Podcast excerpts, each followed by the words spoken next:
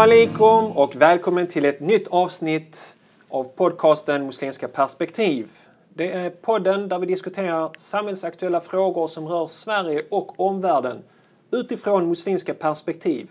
Jag heter Sally Tufekcioglu och tillsammans med mig har jag Salahuddin Barakat. Salam alaikum. Wa alaikum salam. Idag tänkte vi prata om något som, som jag brinner för mer och mer har jag märkt i mitt liv. Och det är entreprenörskap. Eh, att driva företag och handel och så. Eh, jag läste ekonomilinjen när jag gick i gymnasiet. Ja. Eh, och sen så gick jag på universitetet och högskolan och läste humaniora, samhällskunskap, historia. Jag läste ekonomi på universitetet. Okej. Företagsekonomi. Ja, och vi träffades sen nu på, Ja, på ekonomicentret i Lund i en liten tid där. Du hjälpte mig där för du, liksom, du var Jag minns avancerad. inte du minns inte min- det. Jag kommer minns- fråga dig hur räknar man det här och sånt. Du- okej. Du hjälpte mig där. Men, ehm, men sen, sen så utbildade jag mig till lärare, jobbade som vikarie och så vidare. Och sen så gifte jag mig med min fru och eh, som är från USA. Hon kom hit här och hon kände liksom att eh, hon inte passade in riktigt i arbetslivet här, även om hon hade en utbildning från, som hon kompletterade i Lund. Mm. Vad var det för Magister inom ekonomi också. Okej, ja. Eh, Men eh, så hon, hon bestämde sig för att köra eget då. Så Mm. hon startade tahara.se eller Tahara då. eh, På nätet säljer muslimska produkter och så. Och naturligtvis så var jag där och stöttade och hjälpte och jag har liksom blivit mer och mer indragen i det arbetet. Mm. Det är liksom att driva ett eget företag och så. Och, eh, Som är krävande. som är mycket krävande. Alltså ibland känner jag att jag går på knäna. Ibland känner Mm. jag liksom, varför gör jag det här? Det här är så svårt och det är så jobbigt. Mm. Men eh, det, det är samtidigt kul. Det är samtidigt Ja. roligt. Ja, det finns några, det finns... Det har, ju fördelar och nackdelar eller svårigheter. och- Jag, jag, och jag, ju mer jag blir engagerad i det, i, i det här så blir nackdelarna mindre och mindre och Ja. fördelarna blir liksom mer och Absolut. mer. Men det är det här att bygga någonting själv. Mm. Att vara service-minded, att hjälpa människor eh, i deras behov. Mm. Speciellt med Tahara då, man måste brinna för det. Tahara handlar ju om att hjälpa den muslimska gruppen i Sverige att tillmötesgå deras behov. Mm. Eh, om du ska ha slöja, var ska du kunna hitta det? Om du, ska, du vill gå och simma, du vill vara aktiv, men du vill dölja dig så du behöver en burkini. Var ska du hitta det? Var ska du kunna köpa det? Var ska du testa? Så allt det där, det, det är fantastiskt att kunna vara där och, och kunna Och hjälpa. Jag tror, jag har, man har ju märkt av eh, uppskattning. Alltså det muslimer Mm. uppskattar det. Även många icke-muslimer uppskattar Tahara Mm. och det som erbjuds. Så jag, tror, jag tror det är helt klart rätt väg att gå. Mm. Och entreprenörskap är alltså att starta eget företag.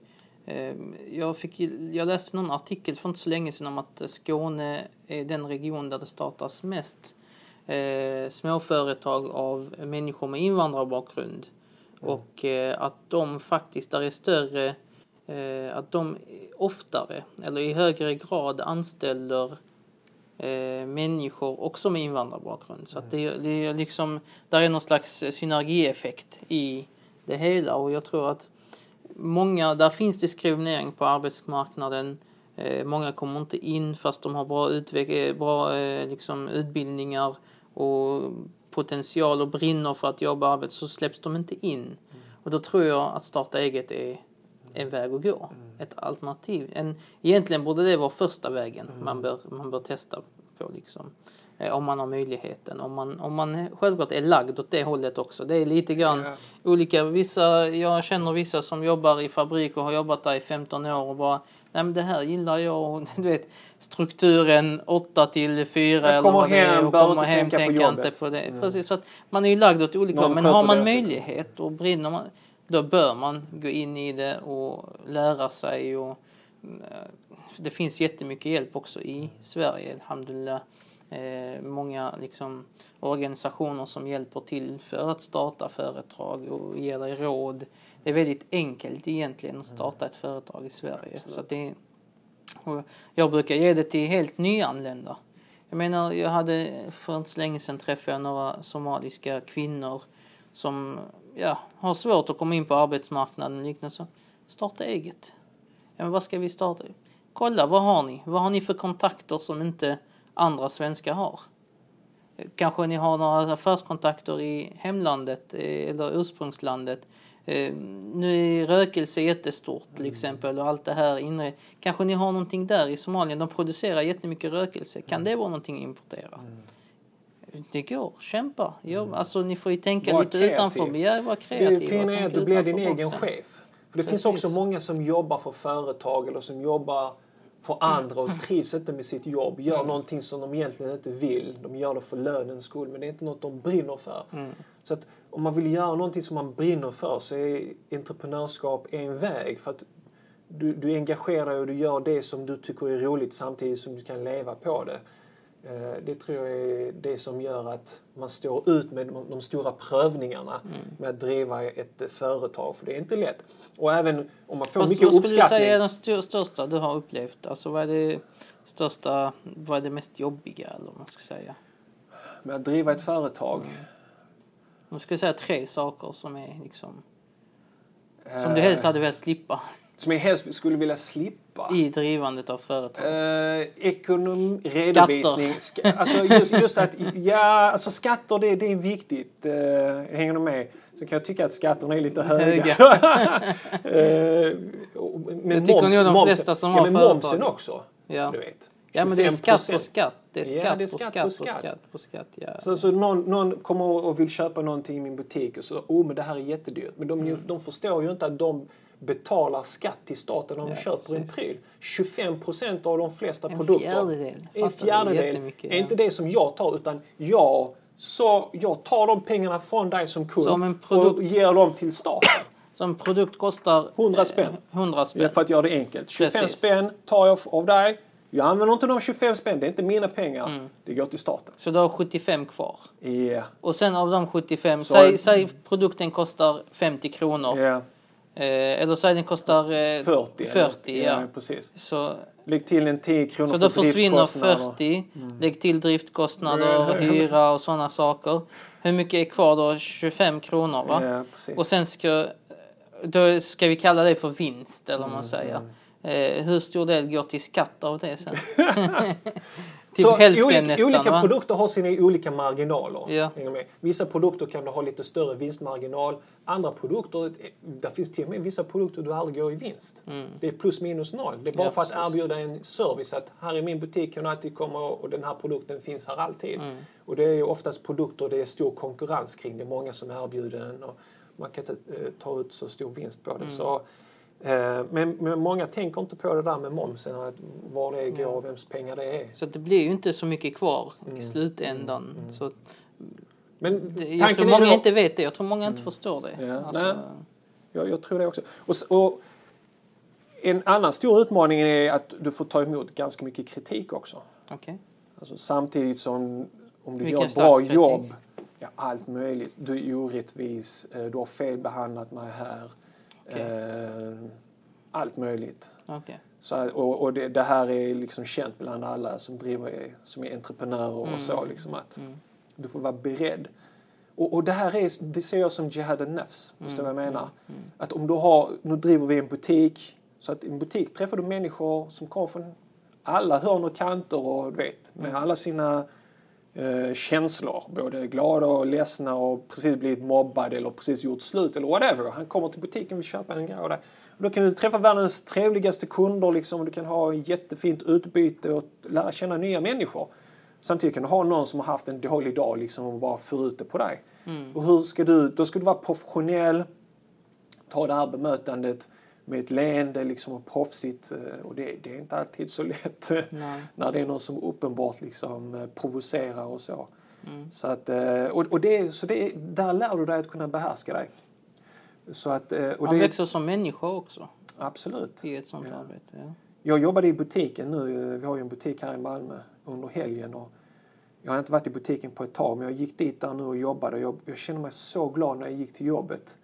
För jag, jag kände att jag kunde hjälpa människor. Bara en sån enkel sak som att det kommer in en kvinna med barnvagn. Jag, jag går fram och håller dörren öppen. För, öppnar upp dörren för henne. Jag, jag servar, jag betjänar en annan människa. Det är inte alltid du kan få det privilegiet att kunna serva en annan människa. Att kunna hjälpa en annan människa på det sättet. Så, och bara sådana grejer som välkommen. Hej då, ha en trevlig dag, ha en trevlig helg. Precis. Alltså, när Bara du jobbar, mötet, mötet med... när du ja, jobbar precis. speciellt eh, om du är service-minded affär, alltså om du har en affär eller... Mm. Har ni många icke-muslimer som kommer in också? Ja, absolut. Många icke-muslimer som kommer in. Eh, Vad köper de? ser- De kan köpa parfym, de kan komma in och göra henna-tatuering. Okej. Det är många som kommer in och tycker Mm. henna-tatuering är någonting häftigt och så.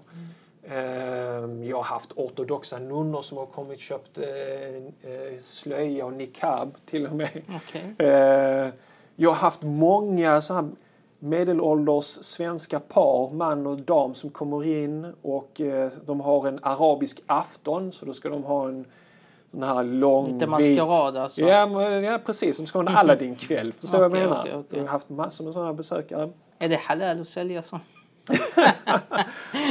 Vi, vi, vi har haft folk som åker på affärsresor. Som ska åka till Saudiarabien som ska åka till Iran. Mm. Och då är det inte bara att du säljer, de frågar liksom vad är det för klädeskod Vad som finns där. Jag ska åka till Turkiet, det är något jag ska tänka på. Min son ska gifta sig med en muslimsk tjej. Jag ska på deras bröllop. Eh, Kan jag klä mig så här? Vad ska jag tänka på? Så det är många sådana saker. Så man, man möter verkligen alla människor. Häftigt. Så att, eh, nej, det är, det är väldigt intressant. Och sen är det ju också, jag tänker oftast på den här hadithen på, från profeten Muhammed när han sa att en, en uppriktig och ärlig handelsman kommer på uppståndelsens dag att återuppstå med martyrerna. Precis. Så Profet, med profeterna och martyrerna. Ja. Och du vet, eh, för det är lätt hänt när man är en försäljare att, Mm. eh, Att inte vara Att- uppriktig. ja, att glömma service så att pengarna blir i fokus. Att fokuset handlar om att tjäna pengar och inte hjälpa människor. Ja, det är det de brukar säga. Just alltså denna höga grad man når genom Mm. att vara uppriktig handelsman, ärlig handelsman, är ju just för att det är så svårt. Det är sån jihad, liksom eh, kamp mot egot, mot egoismen, mot materialism, Mm. mot Satan som kommer och försöker lura en höger och vänster. Så att, ja. Nej, Men så- vi har ju i det muslimska har vi en väldigt stark entreprenörskapskultur, alltså företagsamhet. Det är en jätteviktig del av den muslimska traditionen. Det är, del, det är en viktig del av eh, profetens liv, må Guds frid vara över honom. Han var ju eh, handelsman eh, under en viss tid i sitt liv. Han gifte sig med Khadija som var en handelskvinna. Eh, Och väldigt duktiga. Precis, precis. Och liksom gick även ut i karavaner och köpte och sålde liksom i, i andra länder, i Syrien bland annat. Och eh, det, man kan också se att i den muslimska rättsläran eh, så är handelsrätten, transaktionsrätten, den absolut största delen. Så om du tar till exempel en, en bok så är minst hälften av re reglerna och rättsreglerna är bundna och knutna på något sätt till transaktionsregler. Kanske mer än hälften. Varför och det? För att det är en så pass viktig del tror jag av människors liv. Och också kanske att det uppstod många problem kring Absolut. handel och därför måste man Absolut. reglera det. Skriv ner det, kontrakt. Absolut. Absolut. vidare. Och det hade inte varit en så pass viktig del så hade det nog inte varit så mycket reglering kring det. Men det var så pass vanligt och utspritt och eh, liksom... Eh, Det var så människor försörjde sig på den tiden också. Absolut. Du hade ju inte fabrik och industri. Och, Nej, inte på samma sätt. Nej, precis. Och även de som var eh, hantverkare var köpmän, för de sålde ju sitt hantverk. Så de var ju också försäljare. Eh, det var sällan att man bara var hantverkare åt någon annan som sålde, utan man gjorde bordet, och det, så är det fortfarande i många länder. Liksom. Eh, I Jemen där jag eh, levde då, bodde ett tag, så då gick ju till skräddaren och skräddaren sydde men han sålde ju också produkterna och förhöll sig till det enligt muslimska regler, rättsregler. Jag tycker det är fantastiskt. också. Man kan säga att det är stor korrelation, alltså överensstämmelse mellan svensk handelslag och muslimsk handelslag. Väldigt stor. Eh, vi har alltså sånt som till exempel ångerrätten, eh, vad heter det, öppet köp. Ja. Sådana saker, det är inte nutida. Det har vi haft i 1400 år. Öppet köp har funnits sedan profetens tid, må Guds frid vara över honom. Så, så ja, visst, khiyar och shart heter det. Alltså eh, villkorat eh, öppet köp. Det är då antingen om det är sedvänja att där är ett öppet köp eller att man villkorar det. Eh, och säger, och då är vissa lärde sig att tre dagar kan vissa säga du kan ha hur länge som helst, så som man själv är, avtalar om. Eh, och liksom mycket annat. Om det är något fel på varan har du rätt att återlämna. Och eh, man ser också att eh, fokus är på, eller lagen utgår från konsumentens rätt Precis. först och främst. Så att det är väldigt intressant att se hur, hur, eh, framför, hur långt före sin tid den muslimska rättsläran var i Intressant de här är ju varför de möts. Alltså kommer till samma punkt. Hur menar du? Ja, alltså att, att, att den muslimska lagen har funnits så länge Mm. och den svenska lagen är ungefär samma nu. Är det att vi i Sverige har studerat den här och blivit influerad eller är det att liksom genom liksom mänskligt rationellt liksom komma fram Mm. och så här och så, så kommer man fram till det som Gud uppenbarade för 1400 år sedan. Mycket är ju vett. Alltså Precis, ja. eh, vett och etikett som man säger. Ja. Eh, Men, men jag tror att vissa delar eh, man, påverkan har det funnits, absolut, in i den europeiska lagen från till exempel Frankrike. Den franska lagen influerades av den muslimska rättsläran i Nordafrika och liknande. Sånt som myndighetsålder på 18 år eller 15 år och sådana här aspekter. Mär- Och andra aspekter också märker man en direkt influens. Eh, sen så tror jag att vi har vissa saker som så här, immaterialrätten. Där har nutida muslimer påverkats av västerländsk rätt, eller man säger så, eller handelssed. Som jag är kanske lite kritisk till. Jag, jag anser att den klassiska rättsläran faktiskt är mer moralisk och mer korrekt i sådant som mater- immaterialrätten, alltså patentlagar och liknande, copyrightlagar och så vidare. Som inte egentligen har någon, eh, har inte samma, finns inte på samma sätt i den muslimska rättsläran. Och som vi idag ser bidrar till oerhörd, tyvärr. Alltså, vissa Ibland- säger att det bidrar till framgång och Ja, som utveckling. medicin och sånt. eh, Ja, det exempel. bidrar till mycket fasad också, mycket ont också. Där, där liksom eh, de som, de storföretagen är de som, endast de som, Har patent på det. precis, och pressar det upp är de som vinner. Det det är inte medmänskligt alls och etiskt. Så att jag tror det är mycket fokus i den muslimska rättsläran på just etisk handel. Samtidigt som eh, där är en väldigt eh, tydlig grund, alltså det är tydligt att vi är för en öppen marknad. Eh, konkurrens är något positivt. Eh, så lite statlig reglering som möjligt egentligen. De regleringar som finns handlar mer om att försöka förhindra eh, att eh, vad ska man säga, konflikt ska uppstå. Finns det moms i sharia? Nej, det Att man inte. lägger eh, skatt Nej, hela skatteidén egentligen är, och det är ju traditionellt sett, om man kollar i, i alla samhällen, klassiska samhällen, så är skatt någonting negativt. Du vet Mm. Det är skatteindrivare, som... skatteindrivning och liknande. De, de tillhörde ju, du vet, de som Jesus eh, fördömde och sådana grejer. de drog in skatt till eh, romerska riket. Precis, och till, för att, just för att eh, skatt såg som att man drog in eh, pengar orättmätigt till att finansiera eh, kungars lyx eller krigsföring. Men nu säger man att det här kommer tillbaka till eh, befolkningen i form Ja, av eh, precis. sociala... Precis, så nu liknas det mer vid, vid zakat kan man säga. Försöker man ju säga att, att det här är mer någonting för just välfärden och allmännytta. Men Sen- man ser att sen, det, är riktigt, eh, går inte riktigt ihop längre. Nej, Alltså- inte fullt ut. Jag, tror- jag tror att vi hade kunnat, eh, jag hade i alla fall rent utifrån ett muslimskt eh, perspektiv eh, har svårt att eh, argumentera för mycket av den beskattning som sker Mm. i Sverige. Det är alldeles för mycket. Eh, för, för stor del av eh, Visst, det har sina fördelar, men det, jag tror också det har nackdelar. Jag tror för stor del av eh, samhället finansieras genom skatter. Jag, jag tror inte det gynnar oss i längden. Eh, utan, ja, vi får se helt enkelt. Det här är ju relativt nytt. Mm. Att man har så pass höga skatter och att det här systemet existerar. Och det, ju hittills den har det ändå sociala funkat okej. men, välfärden- ja, välfärd, välfärden. Men eh, jag tror man, man kan också se att alltså, det kan eh, slå tillbaka. Mm. Det kan det göra. Vi hoppas att det inte gör. Jag skulle gärna vilja höra dina kommentarer kring, kring det här som du är utbildad eh, som imam.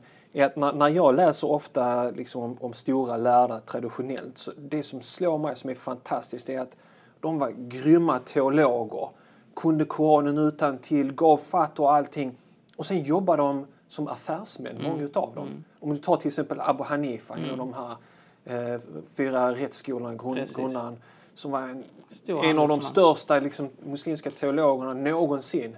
Eh, var en handelsman. Mm. Ja, visst. Och, och, och, med, med, medan du, om du tittar på liksom kristendomen, att om du skulle vara from, verkligen Mm. from, då skulle du avsäga dig allting. Lämna allting, gå in i ett kloster, du äger ingenting, du har ingenting. Du, vet, du ska Mm. definitivt inte syssla med, med business om man säger så. Ja, precis. Nej, hur, tror- hur ser du på det? Liksom? Som sagt, en, en, det hadithen förklarar vår syn eh, alltså i stort. Att eh, handel kan vara en väg till paradiset.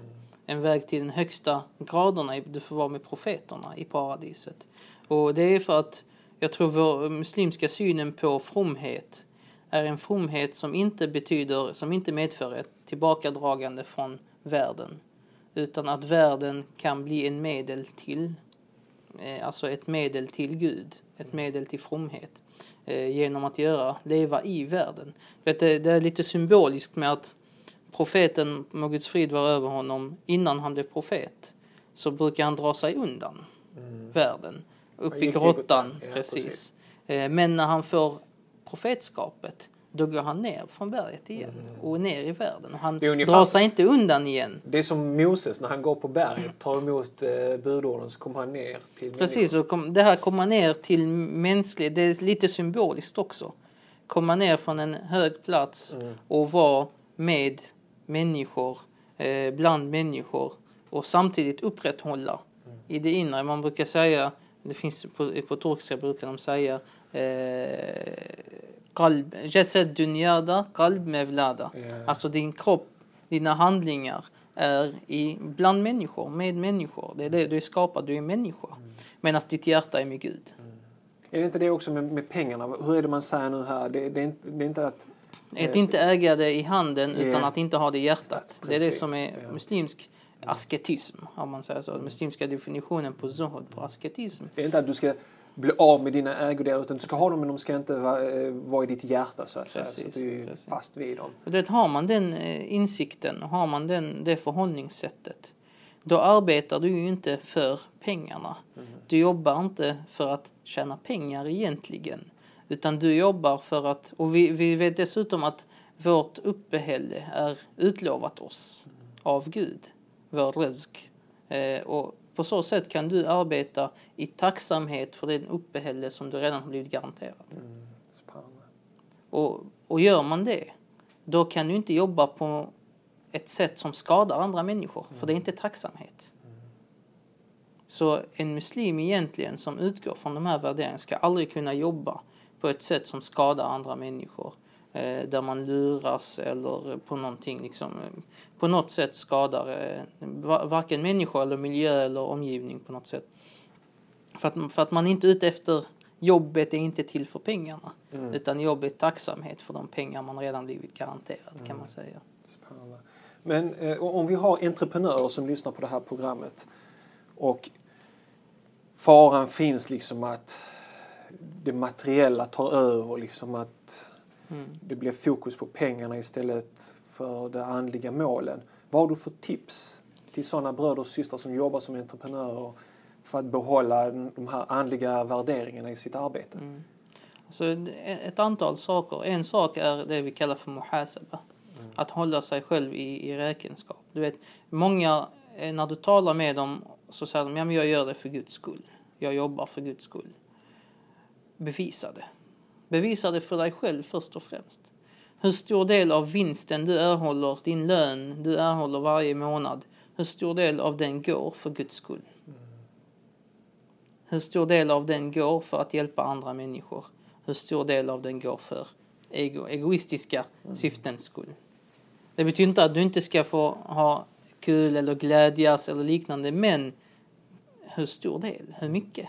Hur mycket delar du med dig av de gåvor som Gud Absolut, ger dig? absolut. I form av en entreprenör. Och, och det är ju just, vad är tacksamhet? Tacksamhet definieras i islam som sarful abdi ma aulahu maulahu min ni'mahu fi ridah. Det är som en dikt nästan. Okej, okay, du får Det översätta säga, det. så, eh, tacksamhet definieras som tjänarens spenderande av det som givaren har gett på ett sätt som gör givaren nöjd. Är du med? Så eh, sann tacksamhet till dina föräldrar om de ger dig 100 kronor eller säg 100 000. Eh, och så hur är du sant tacksam mot dem? Är det bara genom att säga tack? Nej, det är tungans tacksamhet. Den kan vara sann, den kan vara falsk. Vad är sann tacksamhet? Inte ens hjärtats räcker att man känner tacksamhet, utan hur spenderar du de här pengarna? Om du spenderar dem på något som dina föräldrar absolut inte tycker om, har jag inte spelar varit tacksam. har du varit tacksam? Nej. Spelar det någon roll hur mycket tack du säger? Så kommer de bara känna, vad gjorde vi? Skulle inte ens gett dem. Mm.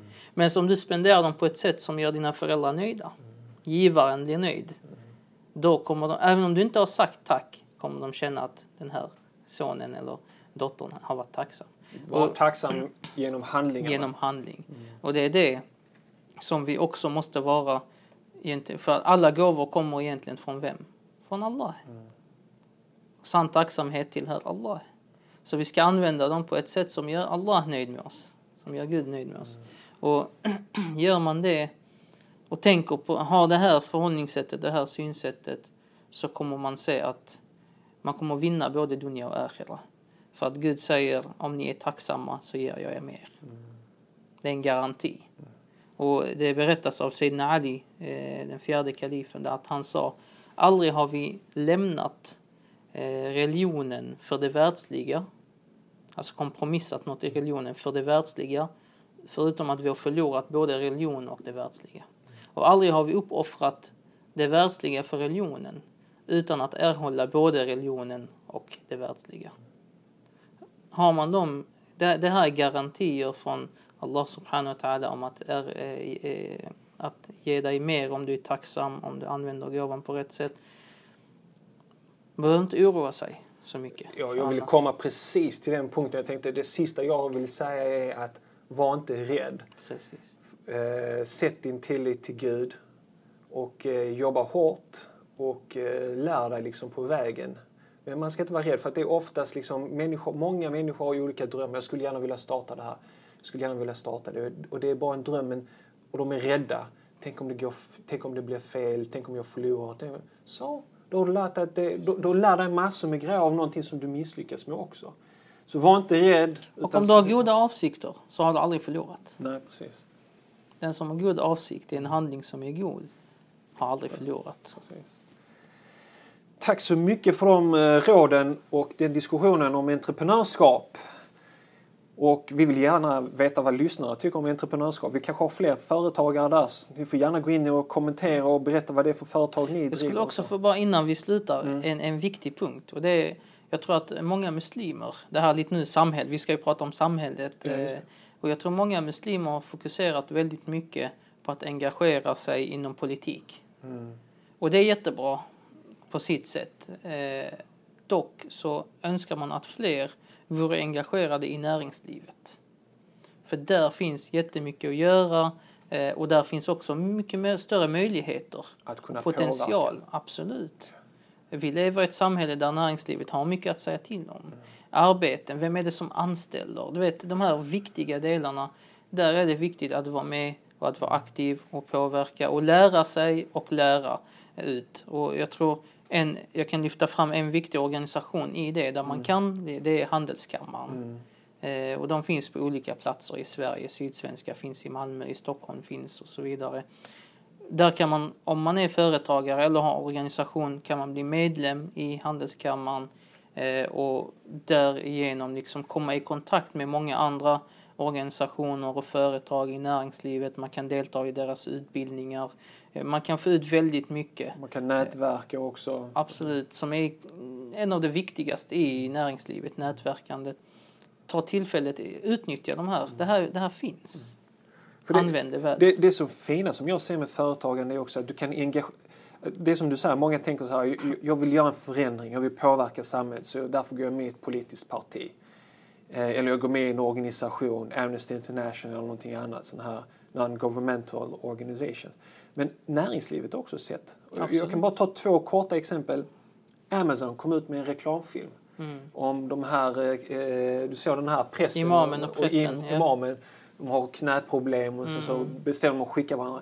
Den har spridits och den har sett så många och, och Amazon står för det här. Det, det, det är en värdering som de sprider och det har fått en stor genomslagskraft. Opinionsbildande. Absolut. Och sen har vi även Starbucks som har också gjort en film som handlar om muslimer i USA som blir tvungna att stänga ner en... eh, De ska bygga en ny moské men de har ingenstans att be och kyrkan bredvid eh, öppnar upp sina dörrar och muslimer får komma och be i deras lokaler och så vidare. Också ett sätt att visa var man står. Och det är sånt som jag gärna vill, eh, kanske mycket mindre eh, vad heter det, skala, kunna försöka eh, genomföra i, Sverige och i Malmö där jag verkar. Så eh, gå in gärna och kommentera, skriv om ditt eget företag, vad gör ni, vad är dina mål och visioner och så vidare. Skulle vi bli jättetacksamma om du gjorde. Om du tyckte om dagens avsnitt så ta bara 2-3 minuter och dela eh, via din Facebook-sida. På så sätt hjälper det oss att nå ännu fler lyssnare som kan dra nytta av detta samtal om entreprenörskap. Om du har frågor, tips eller vill komma i kontakt med oss gör du detta lättast genom att mejla oss på admin muslimskaperspektiv.se. Till sist vill vi tacka våra sponsorer Islamakademin och tahara.se. Tack för att du har lyssnat och på återseende.